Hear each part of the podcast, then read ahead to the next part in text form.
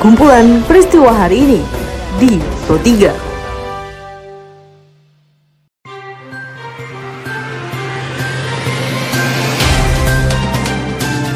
Halo pendengar, selamat berjumpa kembali di podcast Pro 3 RRI dengan kumpulan peristiwa yang terjadi pada hari ini. Seperti biasa pendengar, pada podcast kali ini saya akan mengulas isu-isu aktual yang masih hangat atau ramai diperbincangkan di sekitar kita. Tentu saja pendengar nanti akan ada cuplikan informasi dari reporter kami. Bersama saya Karisma Rizky, inilah kumpulan peristiwa Pro 3 di ruang dengar podcast Anda.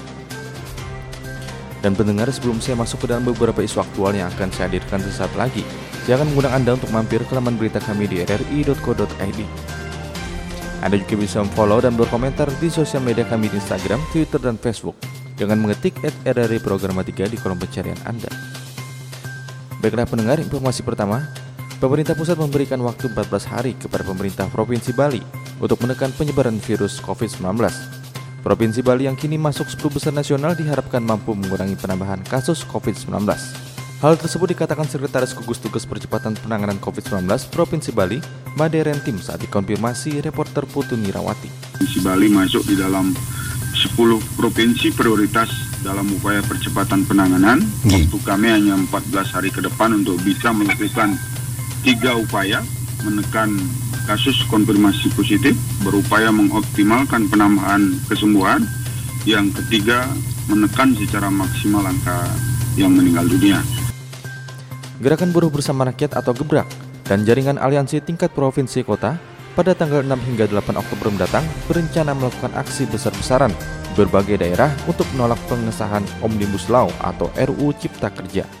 Hal tersebut ditegaskan Sekretaris Jenderal Konsorsium Pembaruan Agraria KPA, Dewi Kartika, seperti dalam peliputan reporter Apret Tutor. Selanjutnya pada tanggal 8 Oktober 2020, aksi besar-besaran akan dilakukan di depan gedung DPR RI dan pemerintah daerah masing-masing kota.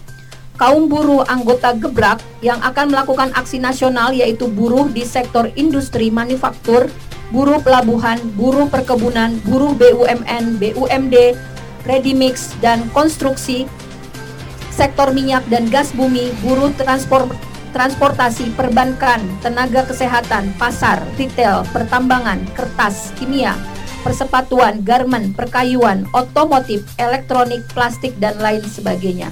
Selain kaum buruh, masa anggota gebrak yang juga akan terlibat aksi nasional adalah petani, mahasiswa, pemuda, pelajar, gerakan perempuan, dosen, mis miskin kota, pedagang, praktisi hukum, serta pegiat HAM dan hak-hak masyarakat sipil.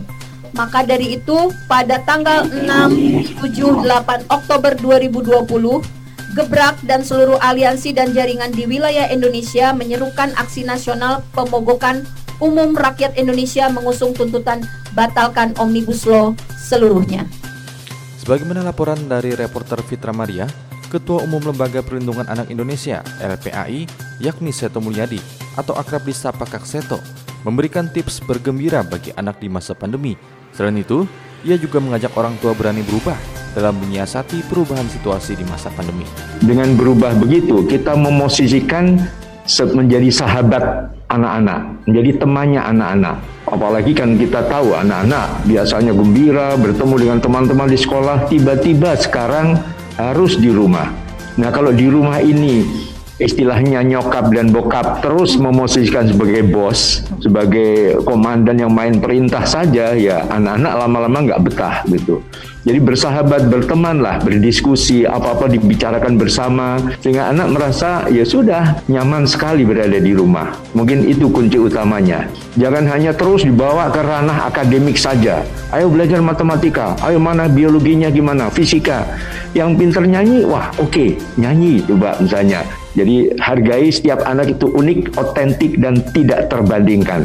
Setiap anak istimewa. Nah di situ anak merasa nyaman dalam keluarga. Dan pendengar informasi tadi mengakhiri perjumpaan kita pada podcast edisi hari ini. Dengarkan terus podcast edisi hari ini dan hari lainnya di Spotify dengan hanya mengetik Pro 3 RRI di kolom pencarian.